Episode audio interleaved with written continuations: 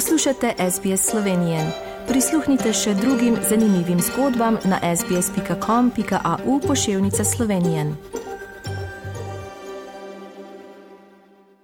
Poslušate slovensko dan na radiju SBS širom Avstralije in po svetu. Tukaj v nedeljo 16. oktobra v klubu Triglav ravno smo končali praznovanje 50-letnice uradnega dela praznovanja in eh, lepo popovdne in kosilo. In eh, tukaj pred mikrofoni imamo eh, predsednika kluba Triglav, Petra Kropeta in tako da najprej seveda vam čestitamo za današnjo prireditev in tudi uradno za 50-letnico kluba, ki smo ga danes praznovali.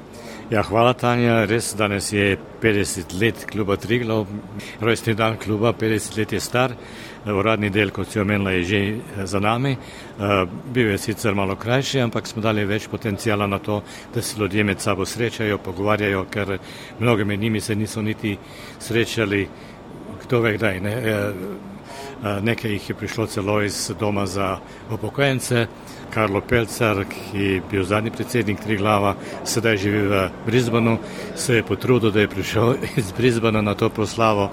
Torej, je bilo res zanimivo, prijetno in, in obojeni spominov, kako se je začelo od samega začetka, nastanka in tako naprej, kdo so bili ljudje, ki so takrat stopili skupaj in, in nekako prišli do spoznanja, da je treba res ustanoviti en klub, kjer se bodo uh, srečevali uh, in ohranili svoj jezik, kulturo in navade, kar je potem preraslo v dosti več, ker so bili med temi ljudmi tudi, kot jih imenujemo večkrat, narodni buditelji, intelektualci kot učitelji slovenskega jezika, učitelji petja, učitelji drame in pa tudi ljudje, ki so se razumeli na šport.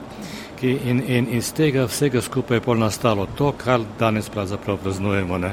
To so, bi lahko rekel, iz tistih časov ven bila zlata leta slovenske kulture na Triglavu, ki pa je potem z leti, ko ljudje nekako opešajo, mislim, leta pridejo, uh, otroci več, ne morem reči, da so otroci, ampak njihovi eh, sinovi in, in hčere odrastajo, se izšolajo in eh, seveda si iščejo svoj prostor in življenje v avstralski skupnosti. Danes uh, nimamo, na primer, ne vem, kako veliko število druge in tretje generacije, moram pa reči, da je pohvale vredno, da jo, da jo imamo.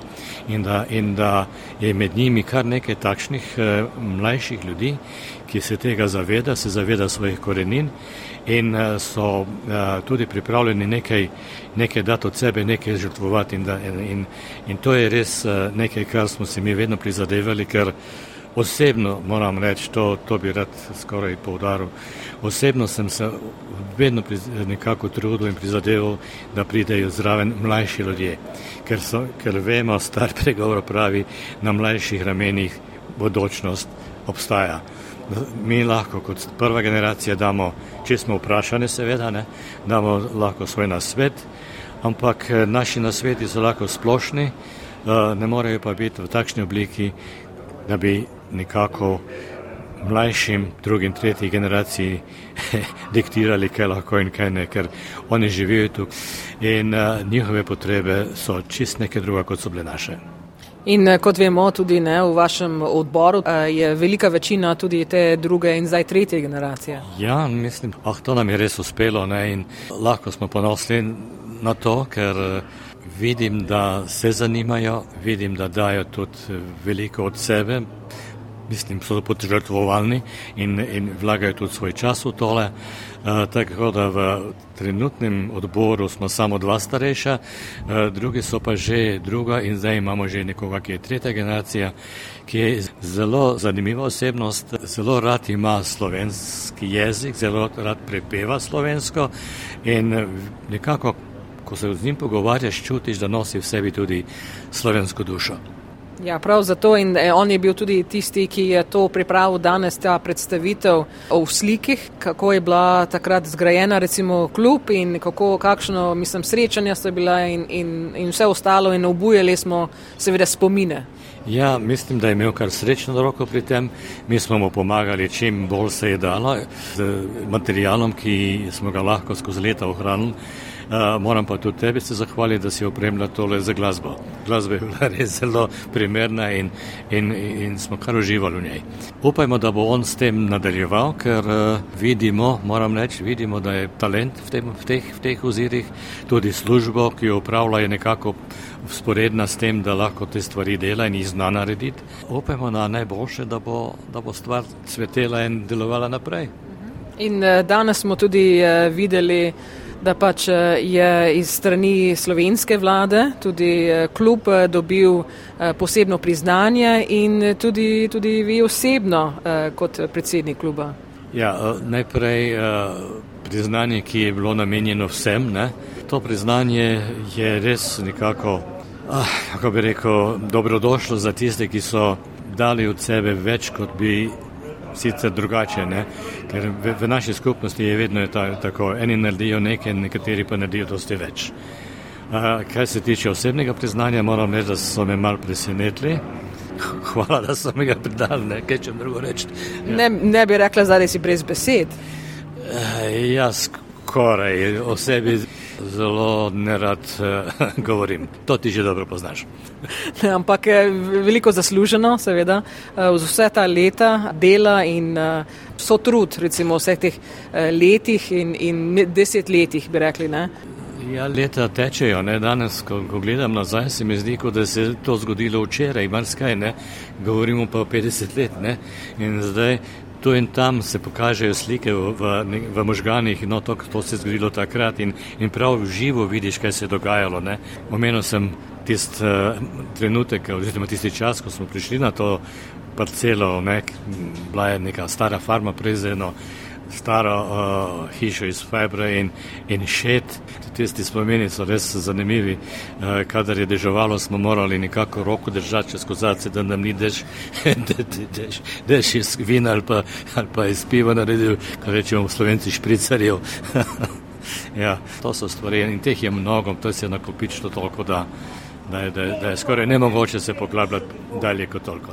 Bi lahko cel dan tukaj obujali spomine, seveda, ampak vam bomo še enkrat čestitali, vam osebno, kot tudi klub in vsem članom, ki so garali in delali vsa ta leta, posebno tisti, ki niso več med nami. Teh je veliko, ne? teh več ne vidimo, niti jih ne slišimo, ne? ampak spomin na nje ostaja in uh, Ti spomini so živi in bodo živi tako dolgo, dokler ne bomo mi njim nekako sledili in, in upajmo, da bo znala druga generacija nekako to razumeti in nadaljevati delo njihovih prednikov uh, v njihovem obliki, kako si oni to želijo in, kako oni to potrebujejo. Danes smo to praznovali, to bi se mu rekli Abraham, ne, Slovenijo tukaj. A kaj imate v načrtu zdaj naslednji mesec? Eh, mislim, da dobite seveda posebnega gosta. Ja, eh, to se nam je nekako posrečilo. Ne?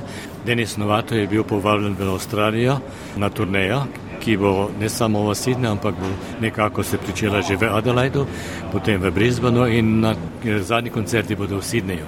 Denis Novato od nas bo obiskal po dveh letih, je bil takrat izredno priljubljen med vsemi generacijami, zaradi tega, ker on pač nekako zna pridobiti in za svojo glasbo prevzeti eh, ljudi na tak način, da mu sledijo in praktično so tisti dan, kadar on nastopa, izredno veseli in zadovoljni, da je med nami.